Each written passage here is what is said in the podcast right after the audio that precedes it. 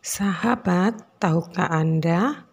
Ternyata masa yang paling penting dalam kehidupan kita adalah saat kita dalam perut ibu sampai kita berusia 2 tahun. Masa ini dikenal dengan seribu hari pertama kehidupan. Nah, seribu hari pertama kehidupan ini biasa disebut dengan Golden Age Period atau periode emas pertumbuhan. Pada masa periode emas ini terjadi pertumbuhan otak yang sangat pesat yang dapat mendukung seluruh pertumbuhan anak dengan sempurna. Pemberian gizi yang cukup pada seribu hari pertama kehidupan dan praktek asah, asi, dan asuh yang benar akan menjadi dasar bagi pembentukan sumber daya manusia yang berkualitas loh.